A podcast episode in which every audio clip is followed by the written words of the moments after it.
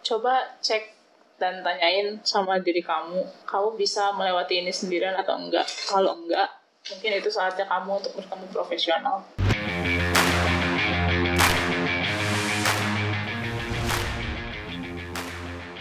Hai, gue Dara. Aku Ami. Dan ada Ugi di sini. Dan kalian lagi dengerin podcast Science Forte. Kupas tuntas. Mental. Olahraga. Sob, gimana nih kabarnya saat ini? Di episode kali ini ngobrol-ngobrolnya kami akan berdua aja. Nggak berdua sih, maksudnya tim dari Science Forte-nya akan berdua aja.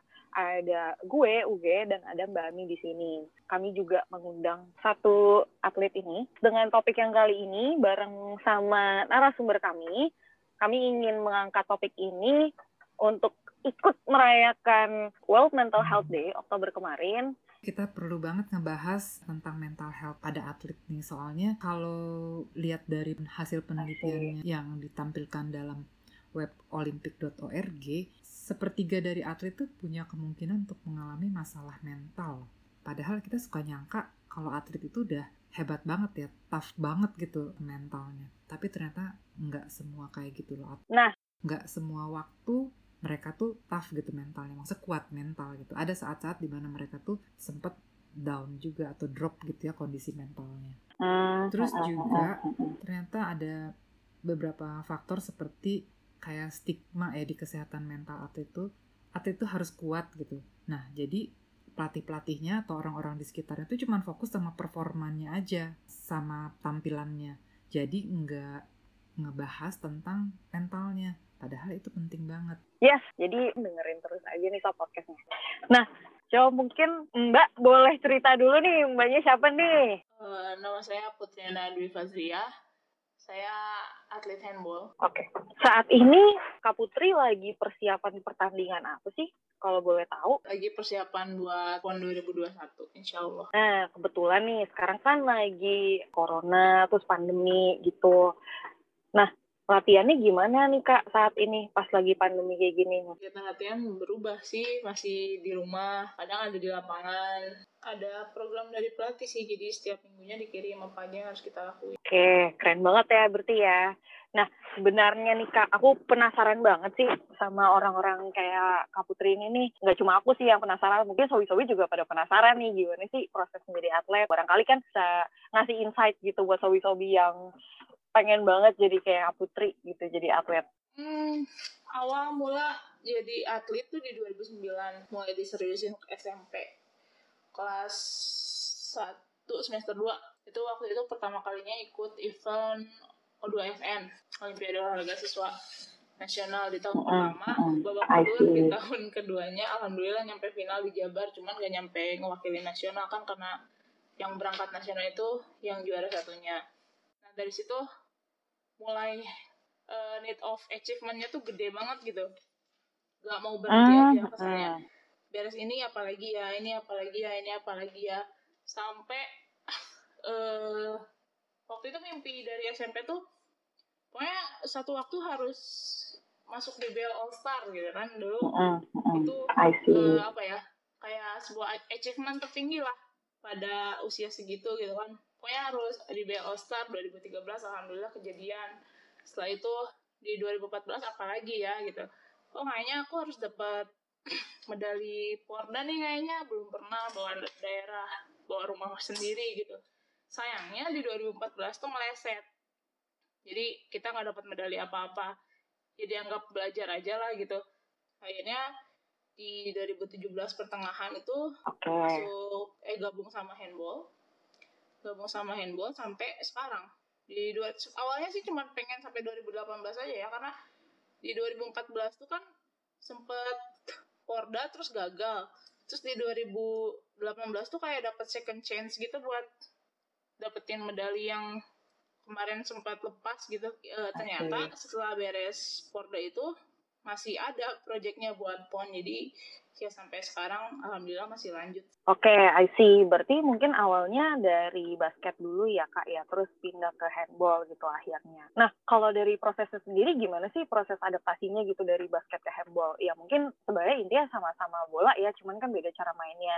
Apa sih up and down-nya gitu uh, proses dari basket ke handballnya? eh adaptasi yang paling kerasa sih bentuk lapangan ya. Agak susah gitu adaptasi sama bentuk lapangan. Cuman kalau sama orang-orangnya kebetulan kan satu kampus. Oke. jadi nggak jadi udah kenal lah gitu walaupun kenal saya lewat dong tapi kan tahu. Rules yang agak beda. Betul beberapa sampai sekarang sih masih belajar buat buat memahami aturan yang benar-benar dari IHF-nya sendiri. Karakteristik yang paling kadang agak susah itu kan dari ini ya body charge-nya kalau handball tuh kan lebih gede lebih banyak gitu. Harus lebih kuat. Kadang tuh aku suka lupa gitu. Ya lebih sering diteriakinnya gara-gara itu. Cara defense kadang masih salah. Itu sih. Mm-mm, mm-mm. I see. Nah, boleh diceritain nggak waktu itu uh, turning point-nya di olahraga tuh kayak gimana? eh 2015 tuh kan Jabar persiapan buat PON kan karena 2016-nya eh, jadi tuan rumah. Mm-mm, situ mm-mm. ngejar oh harus masuk tim nih. Setelah itu ya sempat masuk tim. Kemudian ada kejadian yang tidak begitu menyenangkan sampai akhirnya Mm, mm. harus ikutnya ik- harus ikut eksibisi. Ketika kejadian itu sebenarnya nggak expect bahwa akhirnya saya akan mengorbankan diri saya sendiri ya. Kan awalnya tuh atas nama tim atas nama tim walaupun akhirnya ya saya sendiri yang tersingkir gitu Oke. sempat ngerasa gelap banget gelap banget nggak tahu nih harus apa ya harus gimana ya Eh, belum nyampe ke fase penerimaan lah gitu Mm-mm, mm-mm. satu waktu tuh udah nggak bisa ketahan yang yang jalan Tuhan itu teh secara nggak sengaja yang ketemu sama Borika di gor tiba-tiba bercerita dan yang ngeluarin aja emosinya yang mungkin orang-orang kiranya wah ini orang nangis di depan umum kenapa nih? Itu sih yang jadi turning point. Terus di situ di Borikanya juga bilang ini bakal jadi pelajaran kamu seumur hidup buat gimana cara menghadapi masalah itu seperti apa. Terus buat kamu menerima keadaan itu seperti apa. Itu sih. Jadi Borika tuh eh, pendamping psikologi Koni Jabar sebenarnya sampai sekarang dari 2016 sampai sekarang terus sekarang dia ada di kepengurusan PSSI Kota Bandung juga sama di Jabarnya masih Mm-mm, mm-mm. Kalau yang bikin bangkit apa tuh Kak Putri? Hmm, yang pertama, ya kamu harus melanjutkan langkah kamu. Karena bagaimanapun itu sudah kejadian dan kamu harus melanjutkan hidup. Untungnya kan ada kesempatan kedua untuk tim eksibisi 3x3. Dari situ oke lah saya akan selesaikan ini. Itu yang paling kerasa. Terus yang kedua setelah dari beres eksibisi aku mendampingi 99 di DBL 2000 DBL 2017 ketemu sama Burika lagi terus dia bilang kamu planningnya apa setelah ini kamu harus move on dulu deh kayaknya karena setiap kali ketemu sama beliau saya pasti nangis dan ngebahas masih ngebahas masih ngebahas kejadian di 2016 padahal itu udah kelewatin hampir satu tahun. Baru eh enggak satu tahun sih baru enam apa lima bulan lah gitu. Kenapa aku mau dan melanjutkan di handball pun salah satunya adalah saran dari dia secara nggak langsung. Jadi pengen tahu setelah kejadian itu gitu atau mungkin pas waktu kejadian itu juga apa sih yang biasanya jadinya uh, Putri lakukan kalau udah mulai ngerasa emosi negatifnya tuh menguasai atau menggulung diri kita. Gitu. Jadi uh, gimana cara ngelepasinnya atau um, berusaha menghindar atau mengatasi ya emosi negatifnya itu. Eh, yang pertama meditasi. Selalu meditasi. Minimalnya menyadari nafas kamu sendiri atau cuma duduk doang. Nggak ngapa-ngapain. Belajar buat pause diri kamu dari kebisingan yang ada di luar. Terus yang keduanya nulis. Nulisin apa aja. Mau itu akhirnya menjadi sebuah paragraf atau enggak atau bahkan cuma coret-coret garis-garis doang it's okay.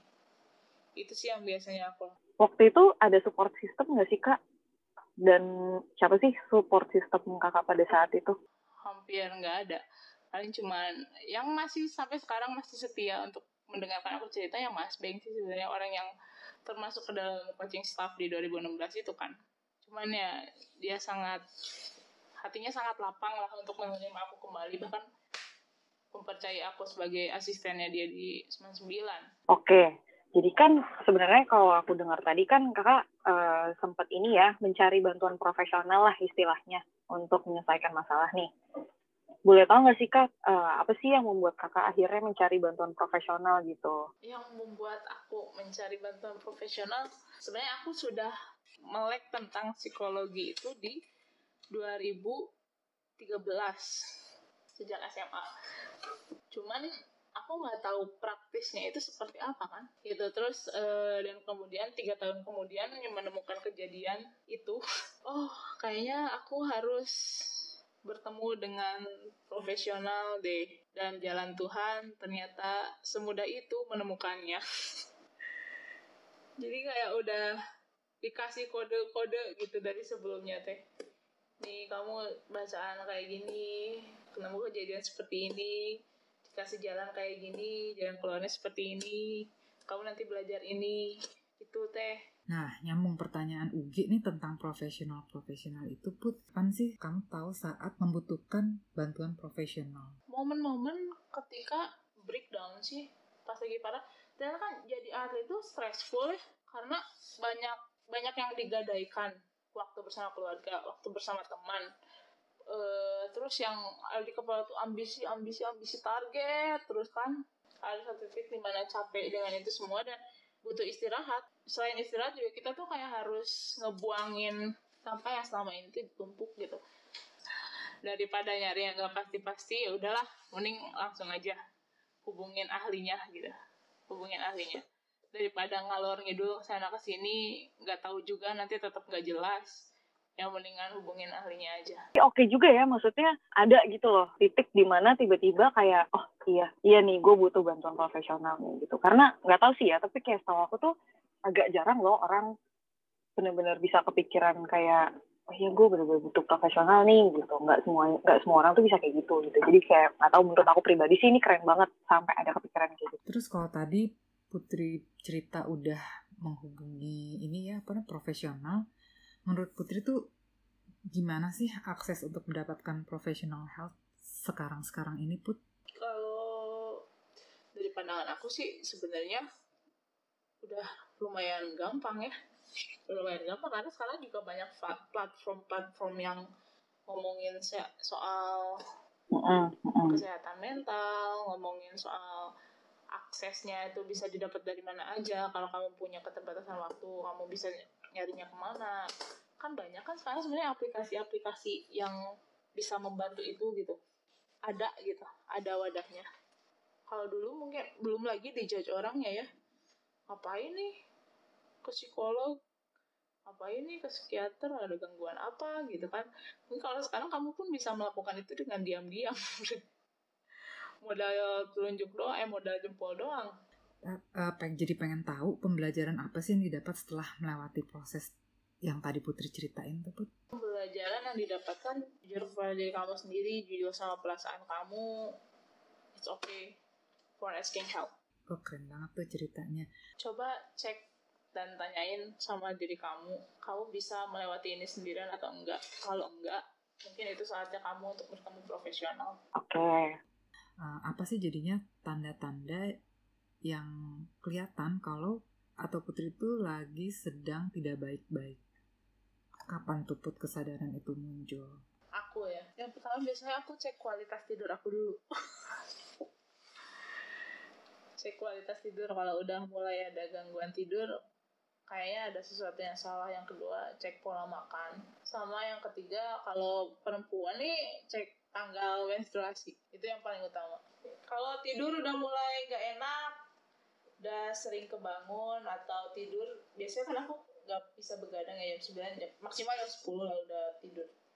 Ketika aku tidur lebih dari jam 10 biasanya eh ini apa uh, mulai bertanya-tanya apa ya kalau sampai siangnya itu nggak bisa konsen siangnya nggak bisa konsen terus ya aktivitas terganggu lah itu pasti ada apa-apa Okay. Nah, mengingat atlet itu selalu dituntut untuk punya performa yang baik gitu di lapangan maupun di latihan, kayaknya jadi penting banget ya uh, untuk seorang atlet dia tahu tentang uh, kesehatan mental, terutama tahu tentang kapan nih mulai ada tanda-tanda stres. Uh, tahu pada saat kecil, jadi identifikasi dini ya.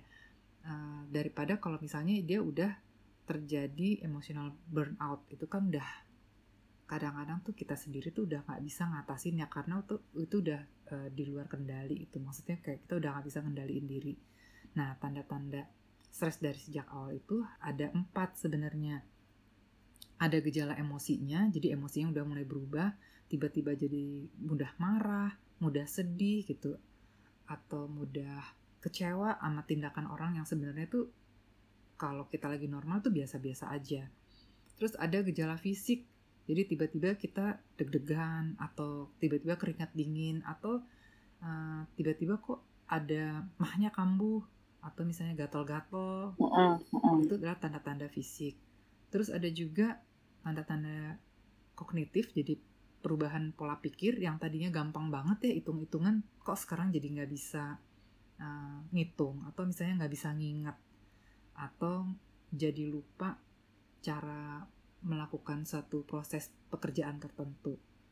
Terus juga ada gejala perubahan perilaku yang tadinya seneng bergaul misalnya tiba-tiba ingin menyendiri. Yang tadinya berolahraga jadi males. Itu perubahan perilaku. Jadi empat gejala itu harus diwaspadai untuk tahu bahwa oh iya aku mulai stres nih. Atau misalnya kayak pola perilaku itu tadi yang biasanya enak tidur tahu-tahu kok nggak bisa tidur ya, susah tidur nih.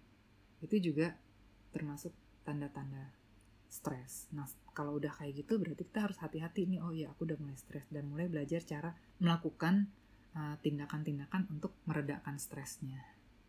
Mm -mm, I see. Oke, nah kalau misalnya nih ada sobi-sobi uh, saya sporte yang ngalamin kayak gitu juga nih Put, boleh nggak kasih tips berdasarkan pengalaman Putri tentang gimana caranya mendapat mental yang sehat. Tipsnya, eh, cek lagi goalsnya, cek lagi tujuannya, kamu lakukan itu untuk apa. Terus eh, pastikan kamu senang menjalaninya, jangan sampai kadang ambis itu malah bikin kita terbebani ya. Satu waktu bolehlah kita simpen dulu ambisinya buat sebentar, setelah itu baru kita jalan lagi. Karena lagi pandemi siapa pun susah. Semua orang juga bosan semua orang merasa terbatasi. Jadi oke okay lah buat berhenti sejenak. Oh keren banget tuh ceritanya.